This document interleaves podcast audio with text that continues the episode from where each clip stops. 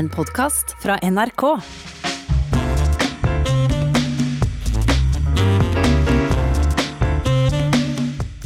Det amerikanske senatet har bestilt en rapport om, ja du hører rett, om ufoer. Rapporten blir lagt fram av ei arbeidsgruppe opprettet av Forsvarsdepartementet, og den har frist til 25.6 med å bli ferdig. Da skal vi altså få forklaringer på ei rekke fenomen som både det amerikanske flyvåpenet og en del av folk flest har observert, og som det ikke let seg forklare ut ifra dagens naturvitenskapelige kunnskap. Er det en form for romfartøy fra andre planeter som eh, vi ser, eller kanskje hemmelige våpen Kina eller Russland har utvikla, og som er helt ukjente for USA, eller noe helt annet? Så velkommen til deg, astrofysiker eh, Eirik Newt. Hei, hei. Eh, denne rapporten eh, må da ha potensial i seg til å verte årets mest oppsiktsvekkende, eller i det minste mest omtalte regjeringsrapport. Den, den blir utvilsomt omtalt. Den kommer til å Jeg tenker at den kommer nok til å dominere mediesyklusene langt ut i den, den norske sommerferien, for å si det sånn. Og, og, jeg vet jo at da får jeg også mange henvendelser. ja, altså vi, vi, får, vi, altså vi får håpe det. fordi det er jo ikke første gang at det amerikanske forsvarsdepartementet har laget rapporter om ufoer. De begynte jo å lage dem allerede på 50-tallet. Og hver gang så har de jo konkludert med uh, at Ja, som man altså det, det, vanlige at her, her, ser vi noe rart, som du sier. Hva er det for noe? Uh, det, det, er i strid med det vi vet. Vi har ikke noen forklaring. Så det, vi, det jeg håper på, da, som har fulgt dette emnet siden 70-tallet, er at vi denne gangen kanskje får noe mer håndfaste data enn det vi har sett fram til nå. Altså noe mer enn uklare videoer, som er mye av det vi har sett. Eh, det sies at selv selve dette begrepet uh, ufo, mm. altså uidentifisert flygende objekt, det, det er blitt litt gammeldags. Nå heter det UAP, som mm. står for uidentifiserte fenomener i luftrommet. Hvorfor er dette begrepet endra? Jeg tror det er hvis, hvis, hvis, du tenker på annet det vi har sagt fram til nå, da. Eh, det er Forsvarsdepartementet som gjør det, og da kan jo folk begynne å lure på, hvis vi snakker om romskip, hvorfor i all verden er det ikke de som er eksperter på romskip i USA, nemlig NASA? Hvorfor er det ikke de som er eksperter på stjernehimmelen og planetene der ute, nemlig astronomene som gjør dette? Det, har, altså det, at det er Luftforsvaret som har gjort observasjonene, og de har jo, altså det man ser, er observasjoner i atmosfæren. Det er derfor de kaller det uforklarte atmosfæriske fenomen. Eh, jeg syns den distinksjonen er interessant. Jeg har lenge ment det, at vi trenger den distinksjonen. fordi at det finnes en kan si en, en, kulturell forklaring på at vi tror dette er romskip. Og det er at uh, ufo-fenomenet virkelig tok av på 50-tallet, som var en sånn eksplosjon i interessen for romfart og science fiction og massevis av amerikanske B-filmer og invasjoner fra Mars og sånn. Ja, og, du, og, du, fikk de første utskytningene i verdensrommet. Ikke sant. Det var da vi også Da starter, da starter jo vår romalder.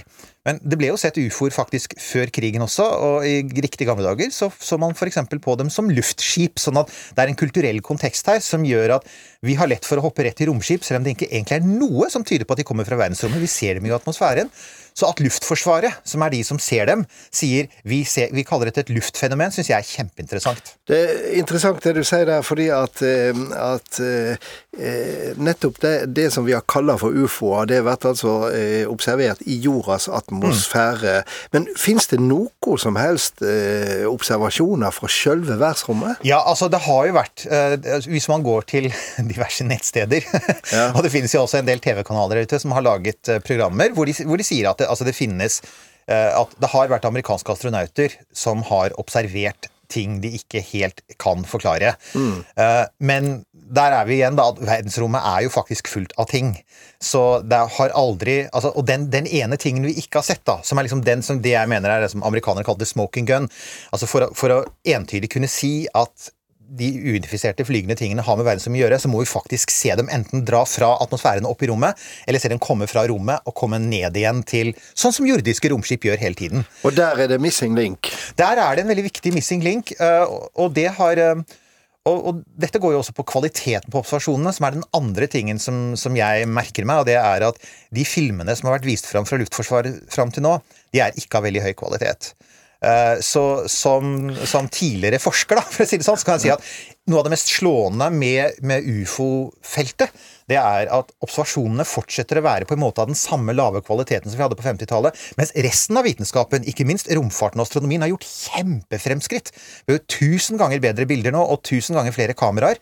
Men på dette feltet så blir det på en måte en sånn derre det nekter, det nekter å gi oss skarpe nærbilder, detaljer av overflaten, noe som entydig kan si om f.eks. Er det teknologi, eller er det rett og slett et naturfenomen? ikke sant? For det vi ser nå, er sånne uklare blobber. Mm. Så det har vært litt sånn der um, Nessie i Loch Ness-variant? Uh, ja, ikke sant. Og på den andre siden, altså, vi skal helt klart ikke avvise dette. Og det er fordi at når, når amerikanske myndigheter uh, tar dette på alvor, så, så, så, ligger det åpenbart noe bak. Dette startet jo I, I, fjor sommer så begynte New York Times, som jo ikke er noen dårlig avis, deres gravejournalister begynte å se på stadig flere rapporter som har kommet de senere årene, fra, eh, da særlig fra Luftforsvaret, men også fra amerikanske politikere, bl.a. den demokratiske politikeren Harry Reed, eh, Ted, også Ted Cruz, eh, republikaneren Paul Ryan. Dette var folk som da fortalte journalisten at ja, vi har sittet i noen møter som er ganske oppsiktsvekkende. Vi får høre ganske, vi får høre ting som går langt utover de uklare bildene dere får se. Og Det er klart, det vekket min nysgjerrighet, for det var å ta det et steg videre. Mm. Så jeg tenkte ok, dette er interessant. Nå håper jeg at vi faktisk får tydeligere beskjed da, fra de som har sittet på disse møtene, om hva de faktisk er blitt fortalt, som ikke vi har fått høre utenfor. Også for å liksom legge litt lokk på alle, for å dempe konspirasjonsteoriene, for det er så mye rundt det. Ja, fordi at eh, det ligger jo litt under vår samtale også at vi tror egentlig ikke på at uh, dette er uh, vesener fra det, fra det ytre rom. Og, og ja. uh, mange av de som har um, trodd på fenomenet ufo, er jo blitt latterliggjort. Men nå er jo folk vi er vant til å ta på alvor, eh, de eh, har jo endra tone. Barack ja. Obama f.eks. Han sier at eh, det finnes bilder og registreringer av objekter i luften, og vi vet ikke helt hva det er. Vi kan ikke forklare hvordan de beveger seg, eller deres bane. Ja. Det er helt riktig, og det er det jeg sier at nettopp det kommer fra folk på det nivået der, ikke sant? som den tidligere presidenten, som bekrefter at her, her sitter man på noe. Ja, du, du har også helt rett i dette med altså, at det ikke Uh, altså at det ikke nødvendigvis er romskip. Og jeg, jeg, har lenge vært tilhenger av å si at uansett hva dette her er, så bør vi forholde oss til det vi vet, og så langt så tyder alt vi har sett som vi kan bekrefte, da, og som ser, ut til å være, som ser ut til å være solide data, tyder jo på at det ikke er det, men at det er noe annet. Uh, og Om det da igjen er et naturfenomen, eller om det er en eller annen form for fremmed teknologi, det vet vi jo ikke, men det, er jo viktig å huske på at siden... Har du en teori? En favoritteori? Ja, jeg, jeg, har jo det. og Noe av det handler om at jeg er astrofysiker, så jeg veit jo at astrofysikere de, de, de, pleide å være litt avvisende til liv i universet. Men de siste 30-40 årene har vi brukt enormt mye ressurser på å lete etter liv i universet. Vi har radioantenner. Den der romsonden på Mars, Perseverance, to 25 milliarder norske kroner for å lete etter liv, ikke sant? Mm. Så nå tar vi liv på alvor. Og et av problemene våre er at vi finner jo ingen tegn til at det er liv der ute. Det er jo så innmari stille. Og det er det som får meg til å tenke at dette fenomenet, hvis det i det hele tatt er teknologisk, så representerer det en teknologi som er så hinsides noe vi har. Mm. At hvorfor i all verden tenke på noe så banalt som på en måte eh, altså reise i rom? Kanskje er det f.eks. reise i tid? Kanskje er det andre dimensjoner som er involvert? Hvis vi først er der at vi tenker superteknologi, altså langt, langt forbi noe vi kan forestille oss, så, så, så, hvorfor ikke like gjerne mer, eh, ha et litt mer åpent sinn? Eh, rent sånn vitenskapelig og teknologisk tenker jeg at vi kanskje bør ha et åpnere sinn istedenfor å låse oss fast i de små grønne mennene hele tiden. fordi der er det ganske overveldende vitenskapelig dokumentasjon på at det, er, det, er, ikke lett å finne. De gjemmer seg. Men du har jo astrofysikerens tilnærming til dette, Erik mm. Newt. Men, men Likevel så er det nesten så jeg fornemmer at eh, du er ikke helt framme for, eh, for, at det er en sjanse for at det finnes sivilisasjoner en eller annen plass i verdensrommet som, oh, ja, ja. Er, som, Er, så avanserte at de kan reise i tid og rom på en for oss ukjent måte, og slik av og til mm. er innom for å observere oss Nemlig. rare skapninger her på Tellus. Her er en ting som jeg eksempel eh, så, Min sånn lille favorittteori er jo at for Det er jo noen andre litt påfallende ting med disse ufoene. F.eks. mange av dem har en tendens til å bli sett over USA. Mm. Og For noen så er det en kulturhistorisk forklaring, for amerikanerne har vært, vært veldig opptatt av det. Uh, en annen rimelig forklaring er at USA er vår tids Roma. Altså Det er den totalt dominerende supermakten, og det er, er der nesten all uh, teknologisk innovasjon skjer. Så det er jo ikke urimelig, hvis noen har lyst til å følge med på hva som skjer på planeten Jorda, og hvor, hvordan vi ligger an teknologisk, at de henger mye rundt amerikanske høyteknologiske installasjoner, for å si det sånn. Men ja, altså Og der, det er en av de tingene som igjen, hvis vi, hvis vi ser bort fra liksom små grønne menn i små metall, ikke sant, små metalltallerkener, og istedenfor begynner å tenke oss noen som faktisk altså, kan bruke Einsteins lover. da. Altså Einstein snakker jo om tidrommet. Vi, vi, er allerede der at vi vet at det er mulig å tenke seg en slags tunneler gjennom tid og rom. Altså at de to tingene er knyttet sammen. Det er til og med ikke helt utenkelig at det vi ser, ikke er fra en annen klode, men f.eks. fra vår egen fremtid. Det kan faktisk være at noen langt, kanskje en million år inn i fremtiden, bruker teknologi som er helt hinsides eh, til å se tilbake. for å, Kanskje det er fremtidens historikere som ser på oss, rett og slett gjennom en slags kameraer. Så det vi ser, er ikke en liten tallerken. Det er rett og slett linsa på et uh, kamera fra mennesker i år én million.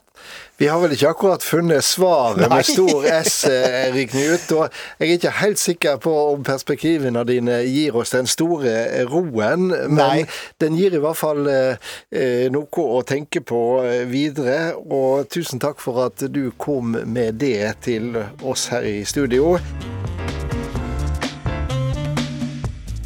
Og så runder jeg av med min faste kommentar. Her er denne vekas Stang inn, stang ut. Det er sett 222 eh, 000 vaksinedoser i Norge denne veka, men det skulle bare 500 av disse til for at det ble skikkelig bråk. Jeg tenker selvsagt på de dosene som politikere og andre i såkalte nøkkelstillinger fikk. Det viste seg å være ei vaksineprioritering som engasjerte overalt, der en hele tida er på leiting etter noe å debattere. Erna Solberg og Monica Mæland opptrer som kløner og skusler bort gevinsten av regjeringens pandemihåndtering, hevder en kommentator. Regjeringen grunngir en riktig beslutning på en uforståelig måned, mente en annen. Det er slikt som skaper politikerforakt, var en tredje påstand som gikk igjen. Den kom til og med fra en Høyre-representant på Stortinget. Men stopp nå litt. For vel kan det med rette sies at regjeringa ikke akkurat fortjener noen heiderspris for måten de la denne saka fram på men det er heilt urimelig når dette blir framstilt som om det er en politisk elite som alborger seg fram i vaksinekøen og setter mer verdig trengende til side. Slik er det nemlig ikke. Vi vet jo alle at 500 vaksinedoser i realiteten ikke utgjør noen stor forskjell om vi tenker i høve til store samfunnsgrupper men anklagen er urimelig også fordi vi her i landet stort sett har politikere som er livredde for å bli tekne i å tiltuske seg fordeler vi andre ikke ser snurten av. Og det er ikke først og fremst av redsel for å verte avslørt at, at politikerne holder seg på matta. Jeg tror rett og slett det er fordi norske politikere stort sett er svært så heiderlige folk og jeg er i alle fall overtydd om at de er mye bedre enn sitt rykte. Den som i dette landet blir politiker fordi han eller henne jakter på personlig gevinst, ja, den blir skuffa. Snarere er det hardt arbeid som gjelder, arbeid det ofte bare er kjeft å få for. En ekstrem smakebit av hetsen en del er utsatt for, har vi fått demonstrert denne veka med trugsmåla mot eh, Oslo-byråd Lan Marie Berg. Det var den som fikk en Høyre-statsråd til å gjøre noe så sjeldent som å banne på saftigste vis for alt folket. Nå er det faen meg nok, hold kjeft, skrev oljeminister Tina Bru på Facebook. I affekt, sa hun etterpå, men like fullt med ei ektefølt fortviling over hva en politikerkollega fra et helt annet parti eh, vert ramma av. Diverre er det mange lokalpolitikere landet rundt som kan fortelle om det samme. Altfor mange av dem har da også trukket seg ut av politisk arbeid fordi de ikke orker mer. Og det er her det ligger et kraftig demokratisk foresignal. Vi skal selvsagt ikke være redde for å kritisere politikere. Det må de tåle. Men de er korkje nødt til å akseptere, eller som menneskeskapt, for utskjellinger som råker de som enkeltpersoner, langt fra det som har med politisk usemje å gjøre. Så lar meg akkurat denne veka slå et lite slag for den norske politikerstanden og la meg så den tanken at det kanskje egentlig er ganske fornuftig at en del av disse som er de folkevalgte garantistene i demokratiet vårt, får sin vaksine når vi nå likevel er kommet i gang med ei massevaksinering. De sto da heller ikke først i køen, langt derifra. Drygt 1,5 millioner nordmenn kom jo faktisk før våre fremste folkevalgte. God helg.